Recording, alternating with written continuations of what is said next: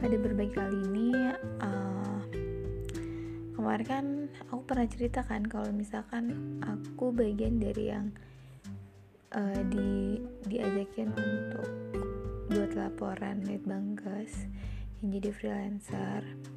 Nah kan itu tujuh, pen, tujuh penelitian di tujuh provinsi di Indonesia dan salah satunya adalah Banten.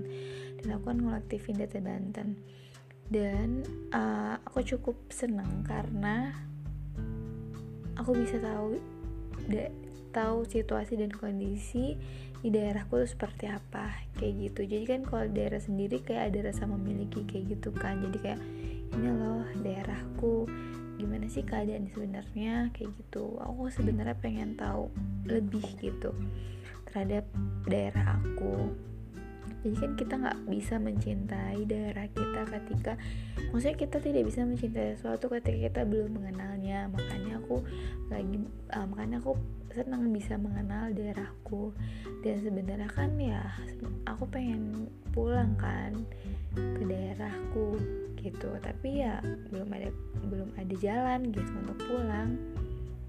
Jadi ya udah berkelana lah diriku yang pernah aku jelasin deh tentang mimpi-mimpi aku.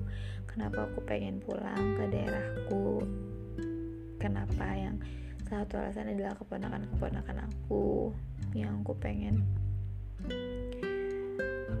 ngajarin ngajarin ngajarin dengan mereka mereka kayak gitu. Cuma saat ini belum ada peluang untuk pulang belum ada jalan untuk pulang. Jadi ya udah jalanin jalan ya udah itu aja sih yang mau aku sampaikan. Cukup singkat 2 menit. Bye bye